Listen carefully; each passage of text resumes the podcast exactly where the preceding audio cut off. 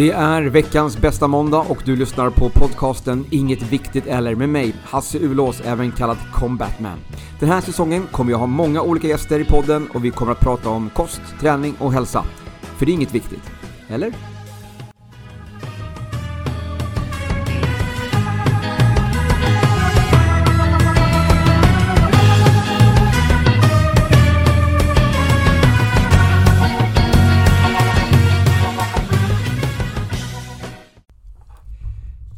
Rullar vi? Yes. Ja. Eh, välkomna till eh, veckans avsnitt av eh, podden Inget Viktigt Eller. Och eh, den här veckan sitter jag med en ny gäst och jag har med mig min kompis Patrik. Tjena Patrik! Tjena, hej! Ehm, och för de som inte känner dig då Patrik, eh, eller ska vi säga Putte? Ja, ni kan, ni kan säga vad ni vill egentligen. Kall, kallas för Putte, riktiga namn Patrik. Ja. Och ehm, ehm, vem är du då? Kom lite närmare micken. Jo men eh, jag är en kille som hållit på med idrott hela livet, spelat fotboll på elitnivå, eh, även pluggat eh, idrott eh, på Bosön och GH, Gymnastik och idrottshögskolan. Eh, och jobbar även i eh, träningsbranschen just nu. Ja. Så du har en gedigen erfarenhet av det här med träning? Och, Ja, och, sport, hyfsat. och sportande? Ja, precis. Eh, och det är det som är lite grann anledningen till varför du är här. Det är ju för att vi har ju snackat ganska länge. Vi har ju känt varandra i fyra år, år någonting. Så. Mm. Eh, och vi har snackat ganska mycket om det här med mental träning i samband med, alltså, för sport. Alltså Mm. mental träning för sport. Ehm, och vi har länge liksom snackat om att du skulle vara med i den här podden. Vi har inte lyckats få till det förut. Nej, Till slut. Så var gäst hela, hela förra året skulle vara gäst. Men eh, vi lyckades aldrig få till det. Så jag tänkte att eh, du ska få laborera lite mer på det idag. Det här med mental träning. Hur kan det hjälpa den andra fysiska träningen? Mm, mm. Är du med? Ja. Ja. eh, hur, har du använt, hur har du använt det? Nej men, alltså, måste nog bryta ner det till att börja med. Ja. Eh, om man pillar med idrott eller träning eller vad som helst så jobbar du med din kropp. Ja. Och kroppen är ju muskler, skelett, ben, you name it. Eh, och för att det ska kunna funka på bästa möjliga sätt och för att få maximal, jag brukar prata om känsla efter träningspass. Eh, Ja. och det är många där ute som vet vad en känsla är efter träningspass. Så måste du ha kopplat på både huvud och kropp och de samarbetar egentligen under eh, den fysiska aktiviteten. Mm. Ja, det stämmer ju till och med det här med alltså den, den kroppsdelen som du, som du faktiskt tränar mest när du tränar fysisk aktivitet är ju hjärnan. Mm. Trots, eh, det kanske inte är det första man tänker. Nej. Den, men det är ju den senare tiden forskning som har kommit fram till det. att Det är ju faktiskt hjärnan som, som eh, aktiveras mest. Eh, inte, inte hjärta, lungor, utan liksom det. Så att, att träna dig smart, alltså du blir smartare av att faktiskt eh, träna fysiskt. Verkligen. Ehm, så att det stämmer inte riktigt överens med de här kanske de här vanliga, mm, man tänker att eh, det, sport, eh, sportnörden är, är korkad och det är den här stillasittande liksom, killen med tjocka glasögon som är den smarta. Nej. Men faktum är ju att den som tränar mycket är liksom, det har man ju studerat. Man har ju sett på de som har varit väldigt aktiva och tränat väldigt mycket att de har haft, fått bättre resultat på matteprov och så vidare. Och så, vidare. så att det aktiverar ju hjärnan på ett annat sätt. Men hur använder man den liksom fullt ut för att utvecklas då i, liksom i, i träningen och liksom få bättre resultat? Jag skulle säga utmana sig själv, alltså utmana träningen i huvudet. Eh, till exempel, spelar du fotboll på hög nivå, eller idrott generellt, eller vill nå ett mål, så måste du kunna visualisera målet och du måste kunna ta nedgång, för du kommer inte nå målet direkt. För har du nått målet direkt så är det ett för lätt mål. Mm. Eh, när du går till ett gym till exempel, eller om du går till träningen i vilken sport du än pysslar med, så har du alltid en strävan att bli bättre.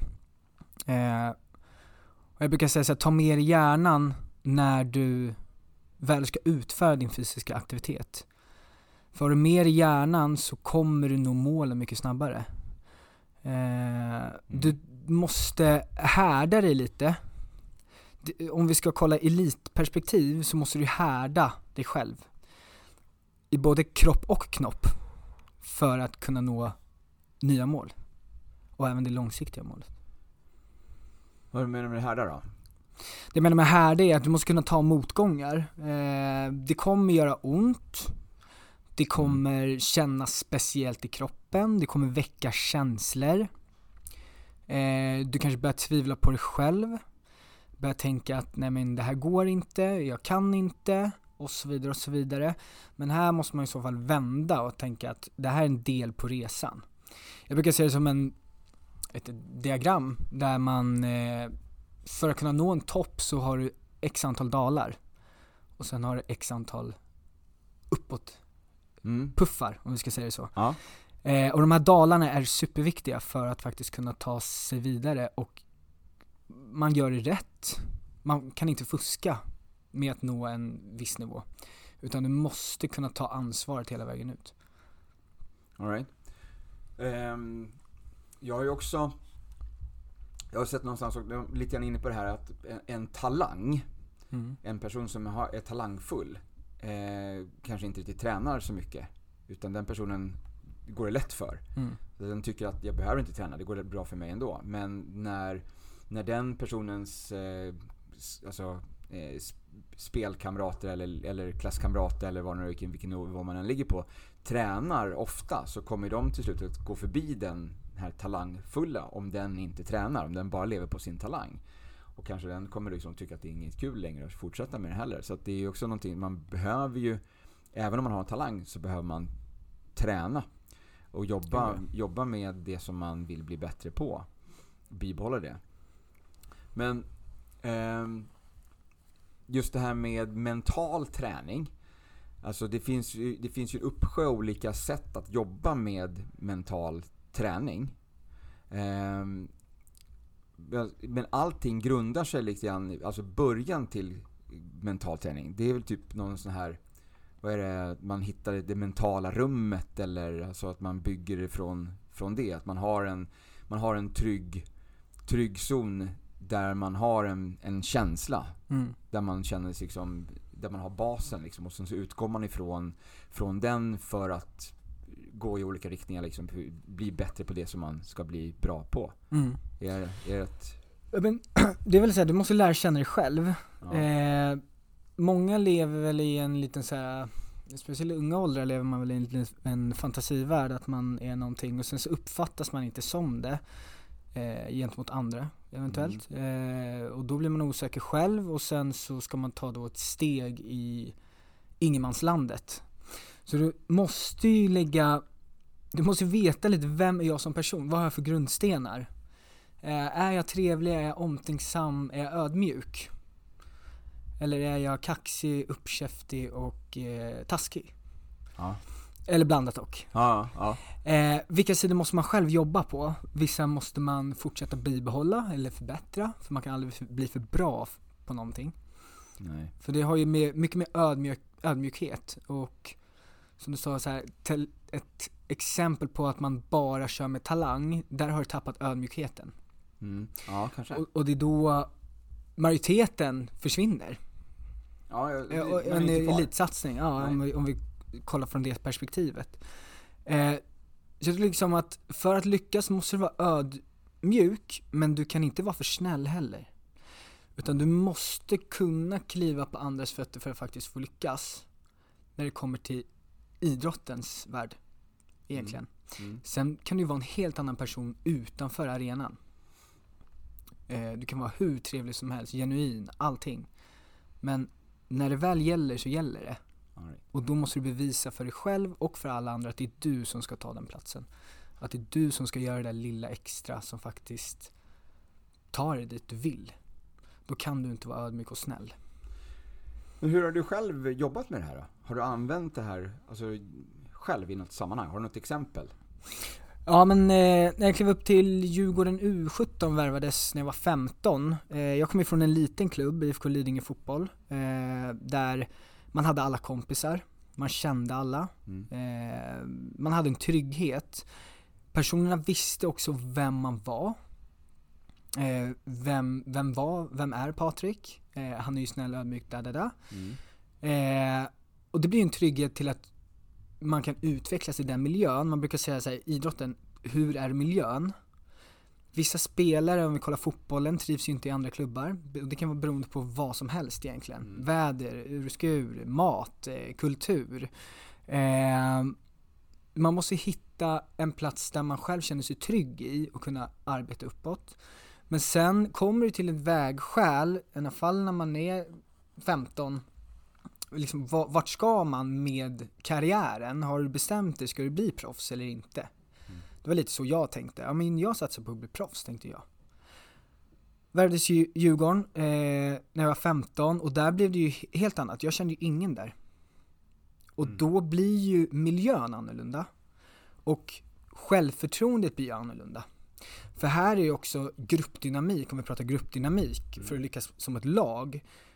Vilken pers- pe- eh, person vill jag framstå som? För mina lagkamrater. Vissa kommer jag klicka med, vissa kommer jag absolut inte klicka med. Men det ska funka i ett lagbygge.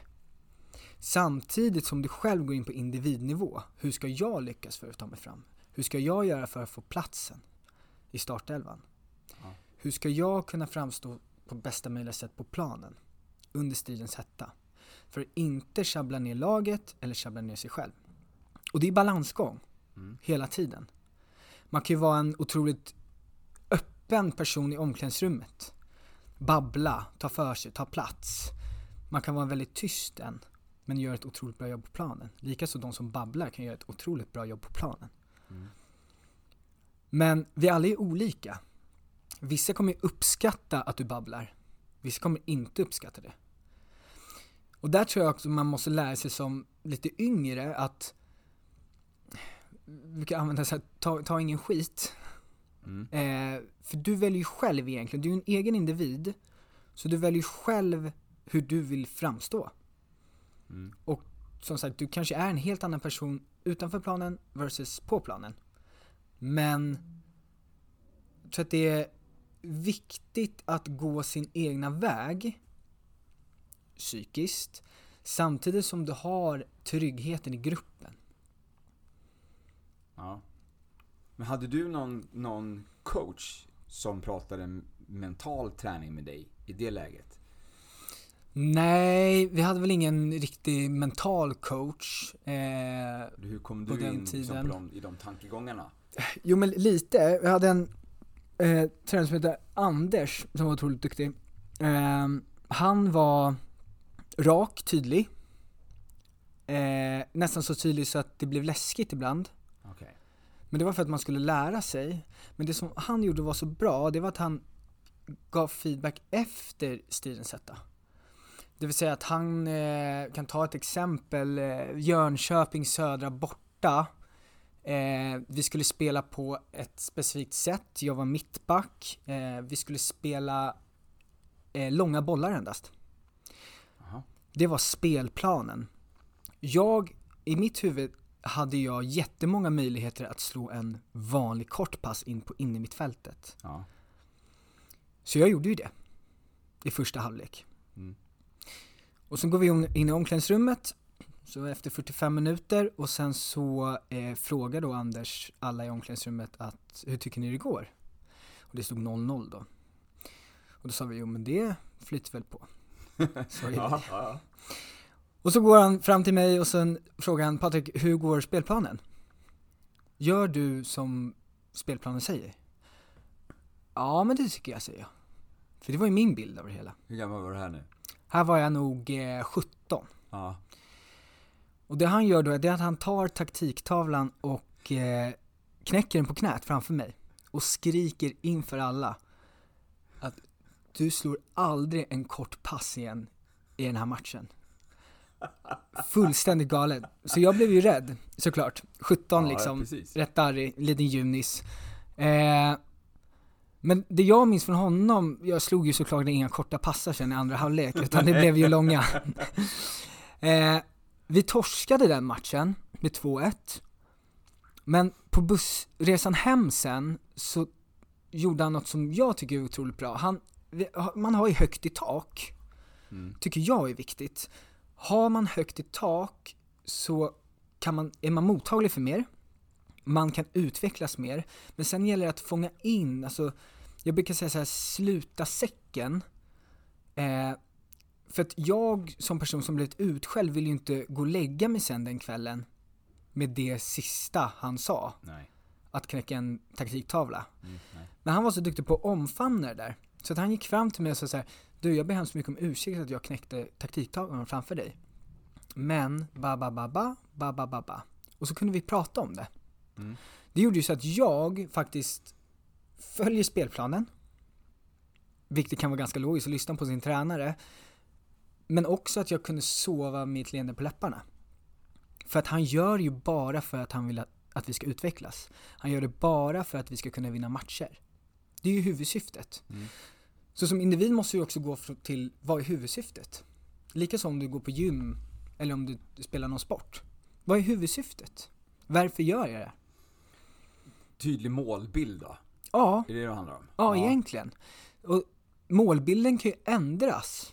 Ja, ja. Men vid varje pass eller varje eh, träningstillfälle så måste du för att kunna utvecklas lite till ha ett mål. Du kan inte bara träna i tomma intet. Nej. Eh, därav i sportvärlden då så tränar man ju på olika saker. Långbollar, passningsspel, trånga ytor, eh, stora ytor, eh, spelvändningar. Eh, backarna kör med backarna, mittfältarna isolerar sig och kör med mittfältarna. Och så vidare och så vidare. Eh, och det lärde jag mig mycket från fotbollen. Att vad är syftet med när du går hit? För du kan ju sätta dig på gymmet till exempel en timma och knäppa på telefonen och köra, vi säger ett bröstpass. Men du vet inte varför du kör ett bröstpass. Nej. Och om du sitter och knappar på telefonen så vet jag inte hur mycket bröst du tränar heller. Exakt, det tar ju tid. Ja. Så jag brukar säga så här. Det är din tid i livet. Och du har, eh, som alla andra, vissa säger vi har inte tid. Nej okej, men alla människor har exakt lika mycket tid. Beroende på hur mycket man sover på nätterna. Men man ska ju minst ha eh, sju timmar. Är väl ändå bra. Mm. Ish, skulle jag säga. För ja, mig det är, är det någonting- det är någonting att sikta på, absolut. Mm. Sju, åtta timmar. Eh, sen beror det på, hur, hur vad vill du göra på de här timmarna som går på dagen? Mm. Vill du sova längre? Gör det. Men ska du, när ska du få in träningen? Är det på kvällen då? Ja men då kanske jag pallar på ett kvällspass.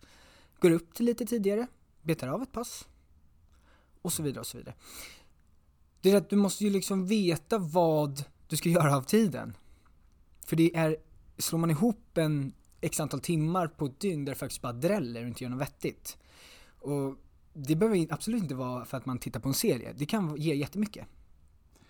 Beroende på vilken serie man ser. Det kan ju vara, det kan vara någon sorts återhämtning och, och vila. Verkligen. Att sitta och, liksom, och tänka sig bort till någonting annat. Absolut. Eh, Men eh, att ha en, en plan för, för den här tiden, vad man vill göra, vad man har för mål då. Eh, Så om vi pratar träning så Mm. är det viktigt då att ha ett mål. Man kanske bryter ner det månadsvis. Mm. Den här månaden så ska det se ut ungefär så här med, med träningen. Det är det man har som, som eh, man siktar på då. Och tänker att man ska eftersträva. Och där kommer vi in på en ganska intressant punkt. För att här är det också individsanpa- Du är ju själv en individ som måste anpassa dig efter dig själv. De flesta kan inte välja bort saker och ting. Till exempel när jag tränade fotboll och ville bli proffs, då var jag tvungen att bortprioritera saker och ting. Det lärde jag mig tidigt. Skolan kunde jag inte bortprioritera, för den är A och O. Mm. Familj kunde jag inte bortprioritera, för de gör ju faktiskt att jag kan leva och äta och bo någonstans. Det. Jag kan inte välja bort vänner, Nej. inte hela tiden. Nej. Nej. Okej. Ja, ja. Eh, men jag kan välja bort fest. Jag kan välja bort att spela tv-spel till klockan eh, 24 på natten. Definitivt. Jag kan välja bort vad jag äter, Vad du äter. ja vad jag äter. Ja. Men du, du kan välja vad du äter. Ja det kan jag göra. Ja. Men sen, Du eh, måste ju äta. jag måste ju äta. Ja. Men vad ska jag proppa i mig innan träning? Ja. När ska jag äta? Så det är livspussel. Mm. Och det har ju bara egentligen med hur organiserad man är i skallen. Och hur mycket man vill nå målet Så här, hur villig är du på att nå målet? Skulle du kunna springa de här, den här extra milen i veckan för att nå ditt mål?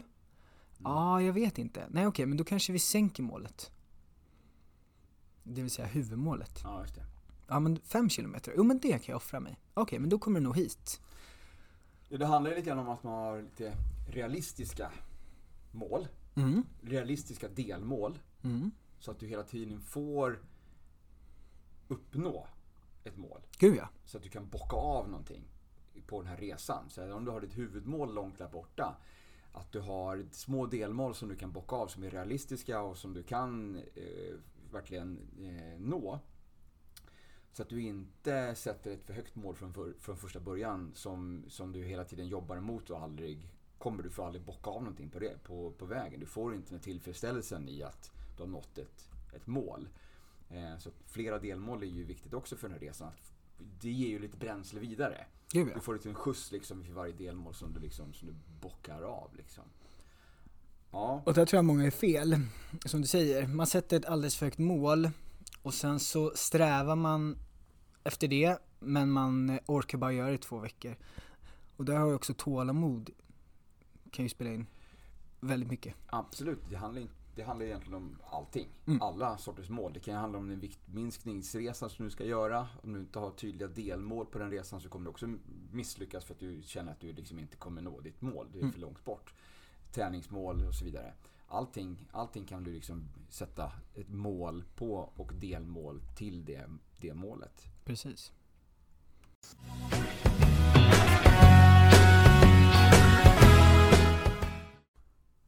Yes.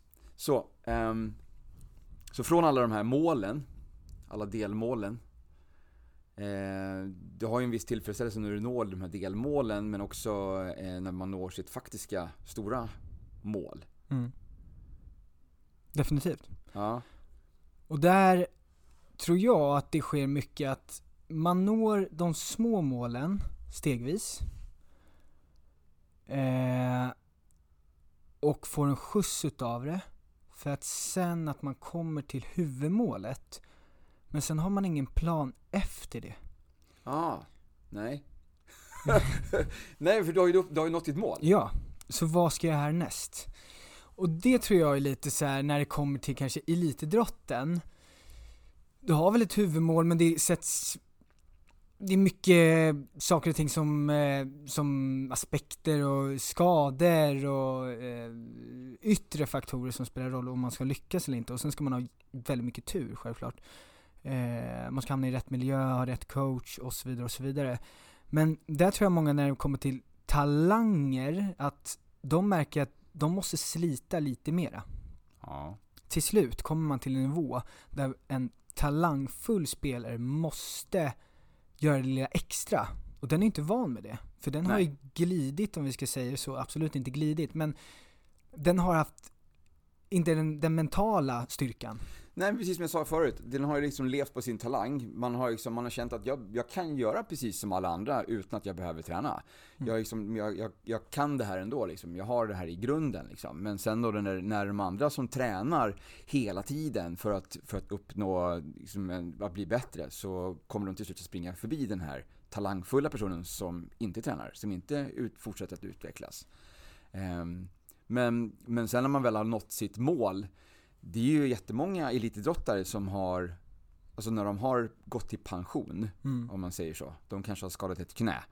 Slalomåkare som inte kan åka skidor längre går ju i pension, och även om du är 25 år gammal. Vad gör man då? Mm. Säljer risifrutti eller? Ja, precis. Nej men alltså, du har ju, måste ju ha någon annan, någonting annat att liksom falla tillbaks på. För dina, dina vinstpengar från, från VM i, i Schweiz där liksom 1991, de kommer ju ta slut. Mm. Exakt. Du kan inte leva på dem hur länge som helst du måste göra någonting annat. Och liksom driften att någon som är väldigt fascinerande är eh, Armando Duplantis, eh, tycker jag. Vem är det? Eh, stavhoppare, Jaha. född i USA, jag tror det är Louisiana, eh, har en svensk mamma och tränade pole vault, som det heter på Okej. amerikanska. Right. Eh, hans pappa var superduktig eh, också i, i den här sporten då. Och det är en väldigt liten sport i USA. Och det som jag fascinerades utav honom var att han tog ju rekord efter rekord när han var liten. Och till slut fanns det ingen tävling för honom att kunna delta i, förutom VM, EM, OS. Aha. Och där är en magisk gräns egentligen. Jag tror den låg på 6 meter. Mhm. Så då måste han träna själv utan tävlingar. Han kan ju delta i, i ungdomstävlingar, men då kommer han ju vinna. Han vet ju att han vinner i stort sett. Eh, men han, måste nå, han var tvungen att nå den här 6 meters eh, eh, gränsen för att kunna kvalificera sig. Ja. Sen tog han det. Och sen har han ju bara proppat på mer och högre och högre och högre och högre eh, rekord. Eh, och fantasi, eh, liksom höjder eh, som ingen trodde på. Och det har han nått liksom nu. Men det som är så coolt med honom, han är 23 år tror jag nu. Och han fortsätter ju att sikta högre och högre och högre. Och det måste ju ha en, han måste ha en otrolig drivkraft för att kunna göra det. Har han idag världsrekord i, i vad heter det? Pole... Ja, Vad fan? pole vault. Pole vault, okej. Eh, I stavhopp, ja precis. Han är, han är eh, världsrekord och OS-guld och hela, han är egentligen, i stort Ah. sett är han ju en legend inom sporten. All right. Eh, men det som var intressant med honom, det var att han hade en, eh, det var en, eh, en fransos som eh, är äldre än honom, som höll på, höll på med den här sporten. Det var hans största idol när han var liten. Mm. Hans ena drivkraft var att han ville möta den här franska killen, jag har glömt bort vad han heter, eh, i, eh, i, i en tävling. Ja. För att sen kunna vinna över honom. Ja. Jag tror första gången de eh, tävlade så vann fransmannen. Men för Armando var ju eh, hur stort som helst att faktiskt få Bara möta för att vara där, ja Gud, ja. precis. Sen tror jag att det var eh, tävlingen efter så vann han allting. Och eh, fransmannen då eh, kramar om honom och de går tillsammans. Och det är ju drivkraft. Ja, grymt. Men sen har han fortsatt att hitta en ny drivkraft. All right. Och jag tror att, Så det var ett mål, det var ett Det- delmål ja. liksom på resan för det stora hela liksom. Ja, Han men- är väl världsmästare, det är väl ett, det är ett ganska stort mål. ja men jag tror att han också vill, i, i och med att eh, stavhopp är en sån liten sport, Mm. så vill han nog sätta den på kartan. På ett annat sätt. Ja, okej. Så då blir det fantasihöjder i stort sett som är underhållande att titta på. Och det, han vet att han ligger ju i, i, i bräschen för det. Ja, Så att han kommer säkert träna hårdare, hårdare, hårdare, hårdare. Eh, och sen är det säkert någon mer drivkraft som ingen vet om, eh, skulle jag säga. För Möjligt. att, att vara så dedikerad och grym som han är, är ju väldigt coolt. Häftigt. Mm. Ja. Men den här, om vi går tillbaks till, till, eh, det här, till vardagen. Om vi, om vi bortser från sporten Mm. och den mentala träningen. Mm. Visst kan man använda den här mentala träningen även liksom i, i vardagen? Gud ja, verkligen. Alltså i, på sitt jobb, Ja. i sitt förhållande. Verkligen. Eh, hur ska man tänka? Alltså vad, kan man, kan man studera det här? Kan man liksom, hur blir man bra på, och vad kan man använda det, hur kan man använda det? Alltså jag tror det gäller att tänka positivt. Eh, det är så mycket skit som händer i världen. Eh, något som jag gjorde, eller gör, när jag har lite sämre perioder, för alla människor har sämre perioder. Det är till exempel att jag stänger av eh, notiser från Aftonbladet. Jag Okej. stänger av, eh, jag är egentligen inte inne på Instagram längre eh, alls för att titta flöde. För det här påverkar en otroligt mycket med sociala medier och allt som händer i världen. Och när du börjar falla lite, då måste du ju faktiskt ha fokus på dig själv. Ja. Så stäng av det. Lägg fokuset på dig själv. Se det positivt. Vad ska du göra för kul idag? Vad är det bästa under dagen? Mm. Vad, eh, vad ska jag bli bättre på under dagen? Eh, säga till sig själv att man faktiskt, man räcker till. Eh, alla ser olika ut. Du kommer aldrig få en kroppsform som någon annan har om du inte har den kroppsformen. Nej, nej. Nej. Eh, utan du får utgå från dig själv. Eh, hur jag kan bli min bästa version av mig själv. Och för mig är det att du mår bra psykiskt. Absolut inte hur hur det ser ut kroppsmässigt. Om du har sexpack eller åttapack, det spelar ingen roll. Utan det är hur snäll, eh, att du är snäll mot eh, människor. Ja. Du kan bete dig, eh, du är ödmjuk, du vill utvecklas, du är intresserad, du ler, du säger hej. Mm. Eh, för till slut i alla fall, alla är ju bara människor. Och alla vill passa in någonstans. I något fack. Mm. Vissa vet inte vilket fack.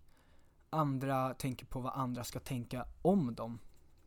Eh, så att jag tror att du måste utgå, när du börjar fallera och vet att nej men nu är jag in- inne i en dålig period. Det kanske är höst, det kanske är vinter och man tänker bara men ah, det har varit vinter nu i 17 år känns det som, som det är i det här landet. Då måste du tänka, men om några månader är det ju faktiskt vår. Och vad kan jag göra under den här tuffa perioden för att hålla mig uppe och vara pigg och glad? Är det att träna? Ja men lägg lite extra eh, fokus på träningen då. Mm. Eller är det att umgås med vissa kompisar? Ja men umgås med dem. Göra val i livet som gör dig glad. Mm, så det är egentligen bara att fatta bra beslut som är positiva för dig. Och kanske liksom undvika saker som, som eh, eh, normalt du inte skulle må så dåligt av, alltså de här negativa sakerna, men just nu när, det all, när du är påfrestad att välja bort dem, alltså ta bort det här flödet med nyheter från Aftonbladet till exempel då. Mm. Att eh, om du känner att du liksom inte klarar av att ta mera negativt från omvärlden så, så bara bort med den kanalen och försök fokusera på det som är, som är positivt. Egentligen lära känna sig själv. Det är Ja. ju så det är egentligen. Lä, alltså vet du hur du själv fungerar, då är du den glada personen. Men hur ska man, hur ska man liksom hitta dit då? Vad, vad behöver man göra för att liksom förstå sig själv? Ska man behöva gå till en till liksom psykoterapeut för att liksom se eh, vem, vem man är, vad man har för behov eller man, är det någonting som man kan jobba på med, med sig själv? Kan man meditera fram det här på något sätt eller? Eh, jag kan säga, jag, man kan jobba med det själv. Eh, det är samma sak som med, med träningen, du måste utsätta dig för saker som kanske är lite obekväma, som är utanför din rutin om vi ska säga det så. Mm. Eh, för att få lite små happenings i livet. Ehm, och verkligen här, man ska här, känna efter, man, man kan ju känna efter riktigt noga så här, hur mår jag verkligen idag? Så här, eh, de funderar, varför mår jag så här? Mm. Du måste förstå varför. För varför är liksom det bästa ordet som finns tycker jag. Okej? För förstår du varför du mår så här, då kan du ju undvika att hamna i den situationen igen. Till exempel om jag skulle jag tycker det är, jag mår jättedåligt av när jag är taskig mot eh, en kollega. Men jag fortsätter att vara taskig mot min kollega. Det är lite konstigt, Ja, eller hur? ja, varför För det första blir ju kollegan ledsen och jag blir ju ledsen för att jag har gjort min kollega ledsen. Ja. Istället här, avbryt då. Var världens bästa mot din kollega. Mm. Den blir glad och då märker du, ah, vänta nu. Jag blir faktiskt glad av att den personen är glad, för jag har gjort den glad. ja. Då kommer du fortsätta vara trevlig och snäll. Eller? Men det här, kanske, är- det här kanske är ett jävla kryp som behövs, som inte man ska vara trevlig mot, eller? Ja men... nej men jag tror, Nej, så här, jag tror, nej, jag tror i gru- i grund och botten är alla människor snälla, man föds ja. inte elak.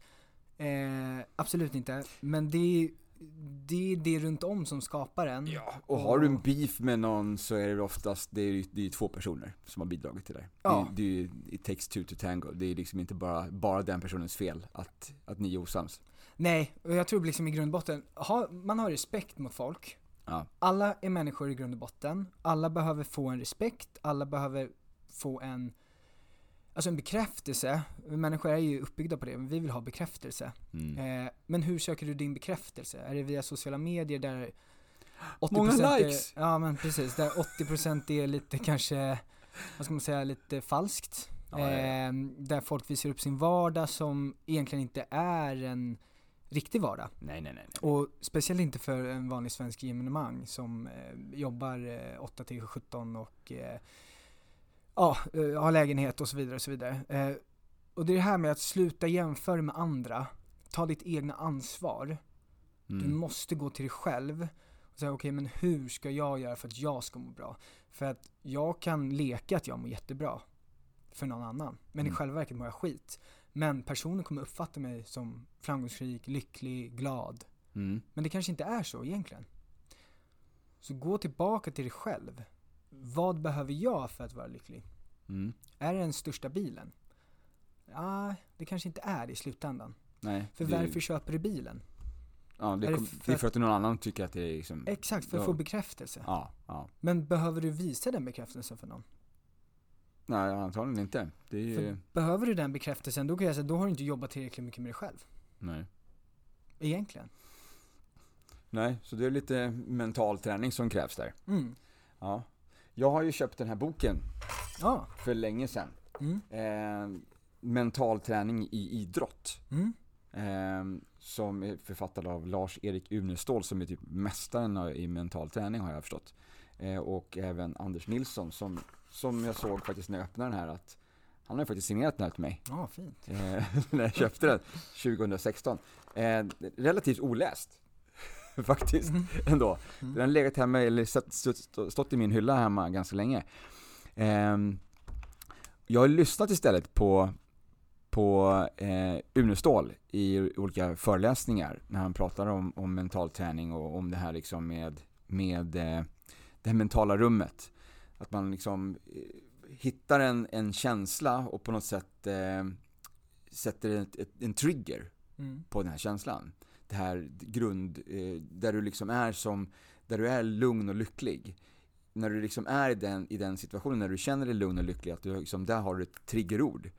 Eh, så att när du vill komma dit igen så använder du det här triggerordet som för dig tillbaks till den här trygga, trygga rummet. Det här Mm. liksom, den här glada känslan. Och det är där sen som man då, från den här lugna, trygga känslan fokuserar på det som man vill bli bättre på. Alltså du har liksom grund, grundpositionen ifrån. Mm. Och jag, jag jobbar ju lite grann alltså, med visualisering idag. Mm. Det har jag gjort många, många år. Till exempel så har jag ju inte jag har inte fysiskt lärt mig en koreografi idag på varken body pump eller body combat som jag ändå lär mig en ny koreografi en gång i kvartalet. Och kanske till och med på body combat så kör jag ju en, två eh, koreografier i kvartalet eftersom jag drar in lite gamla låtar liksom månaden innan vi ska byta. Eh, men jag, eh, jag tittar ju på våran masterclass-video och läser de här koreografipapperna så att jag lär mig vad vi ska göra för någonting. Och sen så lyssnar jag på musiken, sitter någonstans, blundar och typ trummar mig själv på låret med fingrarna. Mm. Slagen, höger, vänster, höger, vänster, sparkarna, bla, bla, bla, eller, eller takten i bodypumpen. Så jag gör det ett par gånger och visualiserar mig själv ståendes där på scenen, göra de här övningarna. Ehm, och sen så går jag upp på scenen och kör. Mm. Eh, och första gångerna som jag gör passet efter att jag har visualiserat det här så kanske det blir en, två missar någonting i, i koreografin som jag liksom har tappat bort eller hamnar i otakt eller jag gör någonting, någon miss där. Men eh, i det stora hela så, så sitter det eh, mycket bättre idag än vad det gjorde kanske då för fem år sedan när jag tränade fysiskt Mm. inför och lärde mig koreografin på det här sättet då. Så att mycket, mycket sitter ju i muskelminne. Det kommer ju in i muskelminne efter att jag, när jag har kört det här ett par gånger. Men jag kan ju på något sätt visualisera det här ändå.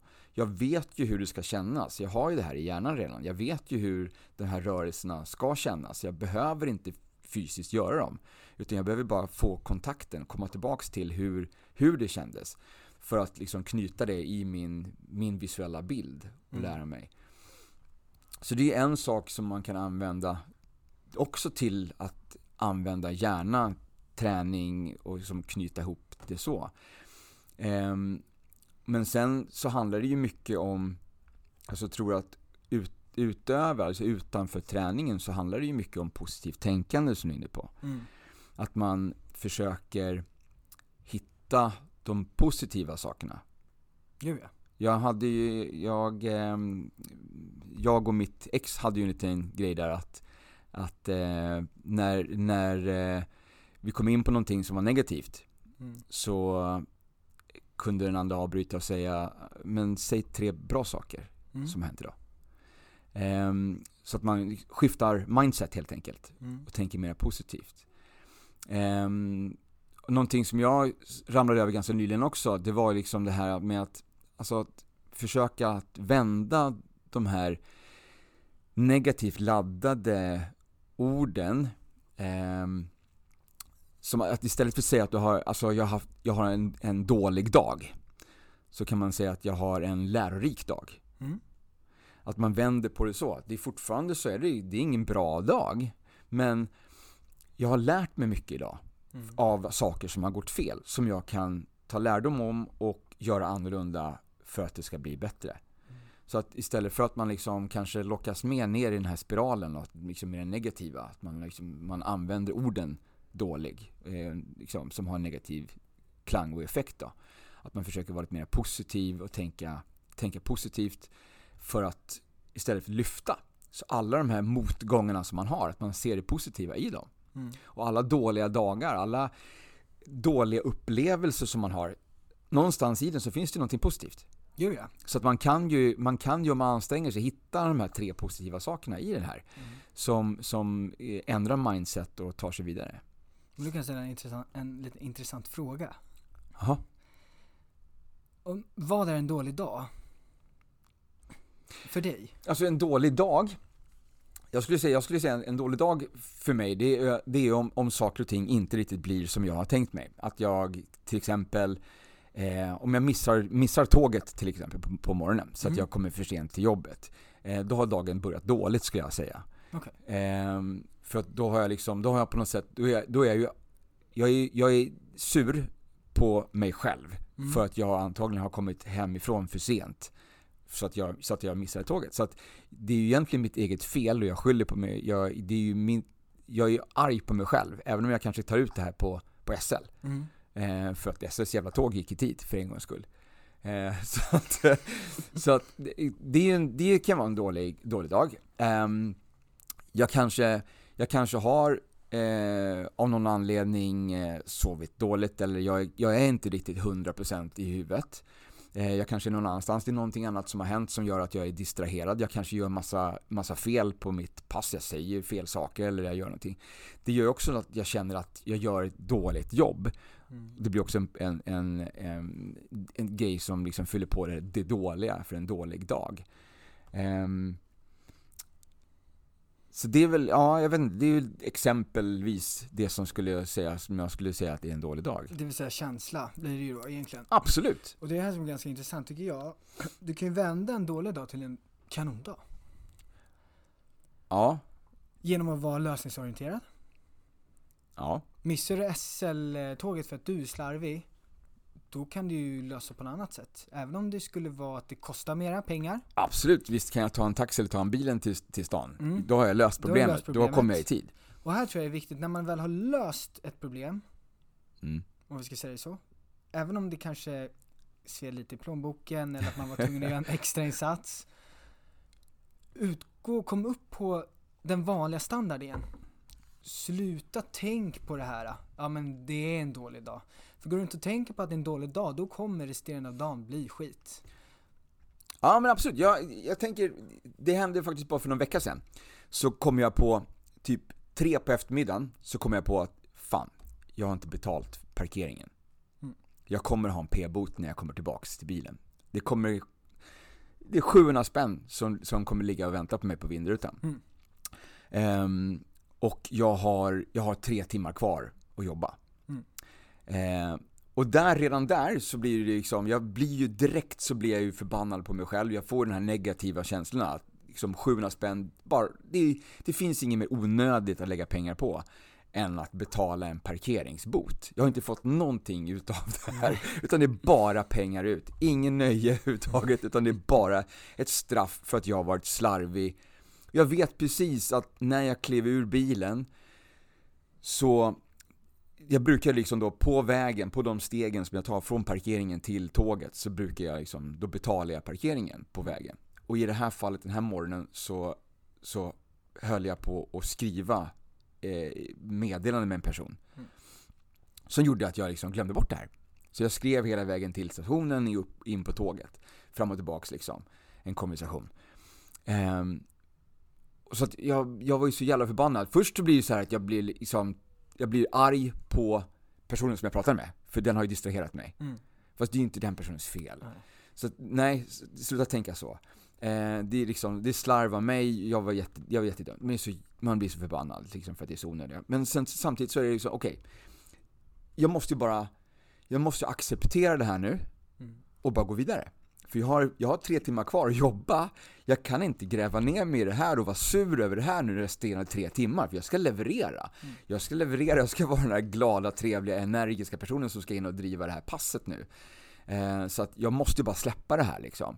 Så att då blir det liksom bara att, alltså, jag vet ju fortfarande inte 100% att jag har fått en p-bot. Jag har inte sett det här. Jag vet bara att jag har glömt att park betala parkeringen. Mm. Um, men jag tar för givet att de har varit där och, och bötfällt mig. Så att jag liksom bara, ja okej, okay. det, det, det, det, kostar att ha bil i Stockholm, så är det bara. Så att det här får bli liksom en del av, en del av bilkostnaden den här månaden. Mm. Um, och ja, 700 spänn, visst, ja, men jag, kommer, jag kommer inte dö, jag kommer inte gå konkurs, jag kommer inte gå, gå hungrig liksom i en vecka för att jag liksom spenderar de här 700 kronorna på det här. Det är jävligt onödigt, jag skulle kunna lagt dem på mycket roligare. Mm. Men, ja, men okej, okay, skitsamma. Och där liksom bara bestämde jag mig för att liksom, gjort är gjort. Mm. Jag kan inte göra någonting åt det, jag kan inte påverka det här, utan nu går vi bara vidare. Eh, och sen så byter jag liksom, jag bröt den här negativa fokusen och sen så började jag fokusera istället på det som skulle komma här nu, liksom den här passen som jag skulle köra. Hur kan jag göra det här liksom så bra som möjligt? Så att, ja. För om man skulle ta det, det vardagslivet, för vardagslivet fungerar ju exakt likadant som egentligen i träningslivet skulle jag säga. Ja.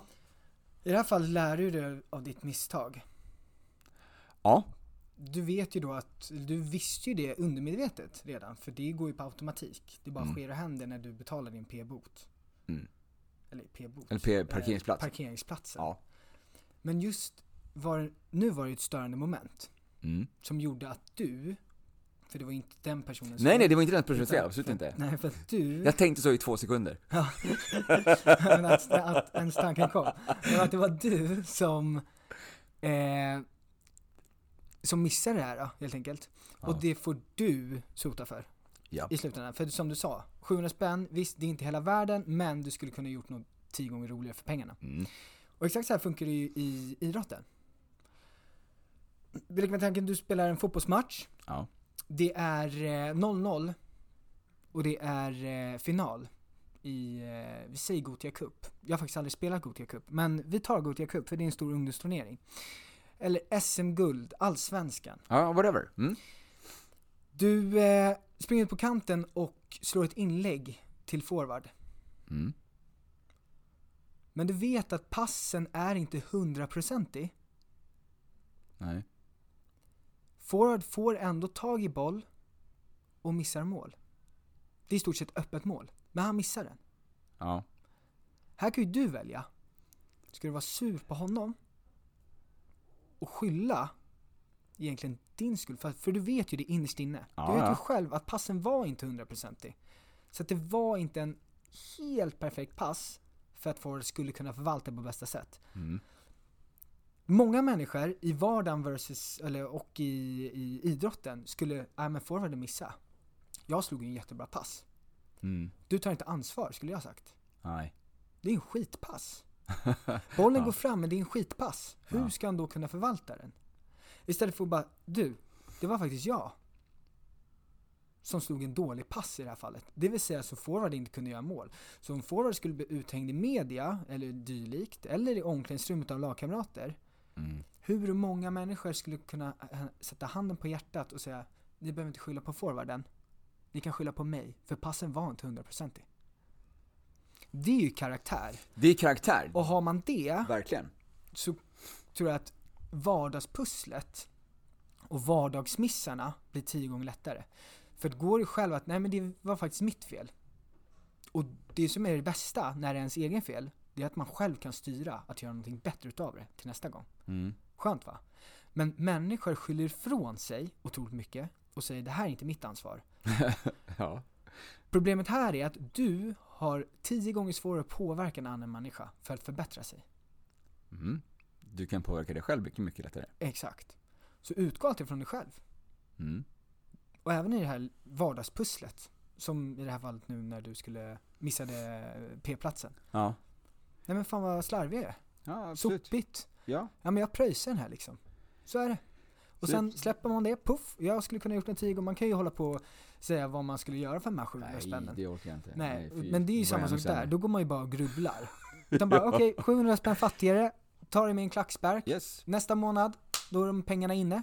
Ja, ja. Jag kanske får jobba ett extra pass eller jag kanske får göra dittan dattan. Ja, ja. Men det är liksom, det är chill. Nu ser vi framåt. För här i idrottsvärlden är det också, och gymvärlden, överallt när det går till mål, det är att man brukar blicka bakåt väldigt mycket. Och för att lära sig av sina misstag. Mhm. Vilket är superbra. Men många tittar bak väldigt mycket på också bra grejer de har gjort. Ja, nej men jag, eh, jag var ju faktiskt och tränade förra veckan. Så jag behöver inte träna den här veckan. Ja, det där, jag, jag får ju en tanke i huvudet på en gång. Jag, det, är, det är någon gammal tennisspelare som jag, som jag känner igen någonting från. Att hans, han tänkte ju bara positivt. Att han, han servade 10 10 servar varav eh, en gick in. Mm. Ehm, och, alltså, och en annan tennisspelare hade, liksom, hade gruvat sig över eh, hur får jag in de här nio? Så de här, jag missade nio, jag måste liksom, hur ska jag bli bättre på det här? Medan den andra fokuserade på den som gick in. Mm. Eh, och tänker liksom att hur, den här, det här var jättebra. Så att istället för att liksom gå in i den här negativa och då nio, nio dåliga, en bra, så var det en bra. Ja. Alltså, eh, jag kommer inte ihåg om det var eh, Ivan Lendl eller någonting, känner jag liksom i bakhuvudet. Det här måste vi, här får vi googla upp till, till eh, nästa gång. Återkommer på Instagram om det här. Men, men, nej men det, det är någonting som, som bara dök upp. Ehm, runt, runt, runt just det här med positivt eh, tänkande liksom i samband med, med träningen också. Men alltså i, i vardagslivet allmänt. Positivt tänkande och mental träning hör ju ihop. Ja, det, precis. Och i det här fallet, då, tennisspelaren ju la ju fokus på det positiva, det vill säga en känsla. Ja. För känslan var ju bra när han ändå fick in en serve. Ja, Men exakt. sen andra la fokus på hur det inte skulle kännas.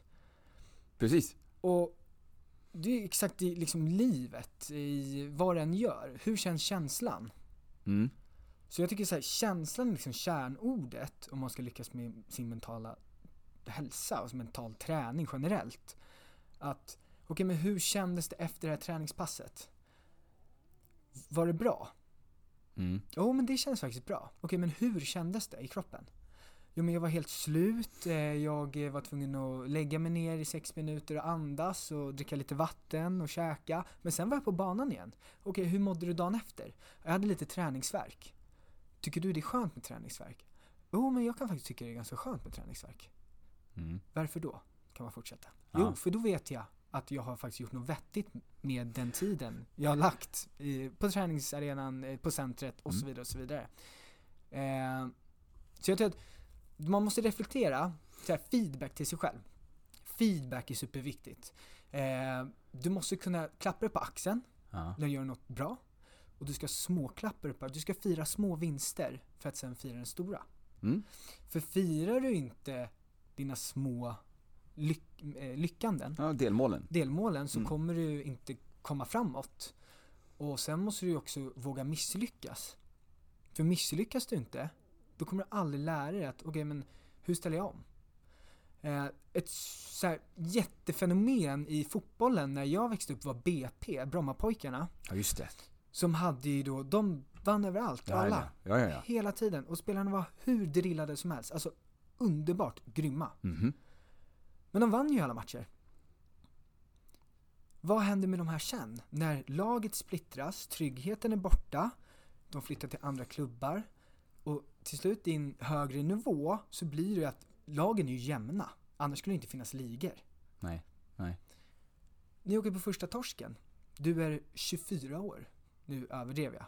Mm. Mm. Du har inte lärt dig att förlora. Nej, precis. då är det nog uppförsbacke. Det måste kännas jättekonstigt att, men vänta nu, jag har ju spelat fotboll för att vinna. Och nu vinner jag inte längre. Det är lite tafflack. Så det här att lära, lära, lära, lära sig misslyckas. Det är jätteviktigt. Du måste lära dig att misslyckas för att sen lyckas. Du måste våga göra saker som du inte är van med att göra, eller som du inte kan, för att kunna bli bättre och lyckas. Och har du ett mål, det är som att, ska du bli bäst på bowling, ska du bli bäst på basket? Mm. Ja men hur ska jag bli bäst på basket om jag aldrig har rört en basketboll? Jag kan ju inte säga, jag är bäst på basket i klassen. Mm. Och sen så har jag aldrig rört en, jag vet inte ens hur en basketboll ser ut. Börja från rätt ände, okej. En basketboll är rund, materialet, reglerna funkar så här, spelplanen funkar så här. Huvudsyfte med basket, bollen ska ner i korgen.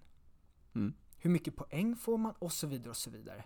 Därefter när du kan grunden, bygg upp nästa. Okej, nu ska jag börja testa att dribbla med bollen. Nu ska jag börja passa. Hur passar jag? Hur skjuter jag? Mm. När du lyckas med det, okej nu ska jag träffa korgen. Sätter den i korgen. Sen spelar man in det i ett större sammanhang, lagkompisar. Ja, nu ska du spela med flera, hur gör vi då? Och det här var också ett fenomen i fotbollen när man kör ju sjumanna, eller femmanna, sjumanna, elvamanna. Mm. Hoppet mellan sjumanna och elvamanna var otroligt stort. Så det man har gjort nu är att lägga in niomanna. Men det som hände Okej. när unga spelare var grymma på eh, sjumanna. Det var att de helt plötsligt när det var elvamanna var helt lost. Det var en helt annan spelare. Det är inte bara att det är flera på planen, det är betydligt större plan. Exakt. Och här är också då, eh, var de bara talangfulla, de spelarna? Ja, eller... För att det blev ett så stort hopp och du måste pa- anpassa, sig, anpassa dig. Du måste lägga extra krut på att förstå spelet i det stora hela. För här är ju slutfasen, 11 manna. För det är där seniorfotbollen spelas. Mhm. Är du van att få tacklingar emot dig? Nej, jag har aldrig blivit tacklad. Nej. Lycka till i seniorfotbollen, det smäller. Ja, ja. Eh, har du lärt dig hur du ska vara en, eh, en bra lagkamrat? Nej, jag har hållit på med ens, eller e- e- egenmannasport hela livet Mm. och varit helt i mig själv. Ja, då blir det svårt. Eh, jag har, min mor jobbar på, nu ska jag inte säga exakt var, men eh, här hade vi ett exempel att eh, under, så i, när du kollar jobbmässigt så är det ju ett team ofta som ska nå ett, eh, ett slutresultat. Ja. Det de gjorde var att de tog in en idrottare med, som bara hade tränat för sig själv. Och de körde maraton. maraton. Aha. En väldigt ensam sport. Tog in henne i teamet. Tror att det funkade? Nej. Nej, det funkade absolut inte. För att hon hade ingen kommunikation med de andra. Nej. Hon gjorde sitt och sen gick hon hem. Det var ingen kommunikation alls. Ja. Så då anser ju den gruppen att det inte funkar. Ja. Men individen tycker att det funkar jättebra. Individen tyckte det funkar jättebra. Ja, men jag har ju gjort mitt. Ja. Jo, men du måste ju faktiskt meddela vad du har gjort så att vi andra kan jobba vidare. Ja. Förstod inte. Nej. Och det är också så ganska intressant. Ja. Eh, hur en elitidrottare som kör ensam versus en elitidrottare som kör lag. Hur det skiljer personlighetsmässigt. Mm. Och vad de är vana med och vad de har upplevt. Är att lag, lagidrotten kan ju vara, är ju jättelätt att bara skylla ifrån sig på någon annan. Nej men det var hans fel. Det är, han. det är inte mitt ansvar. Nej. Men e- ensamma idrotten, den kan ju inte göra det. Nej. Den tar ju mer ansvar i så fall. Precis. Och det är här jag tror det selekteras Eller det är väl fel på bilen. Ja, fel på bilen. Nej men det kan vara massa olika faktorer. Ja. Och det är ganska intressant. Eh, man skulle ju vilja göra någon mätning på det. Hur, nej men hur hjärnan funkar på de olika idrottarna. Ja. Eh, det har jag tänkt i alla fall. Ja, det vara intressant.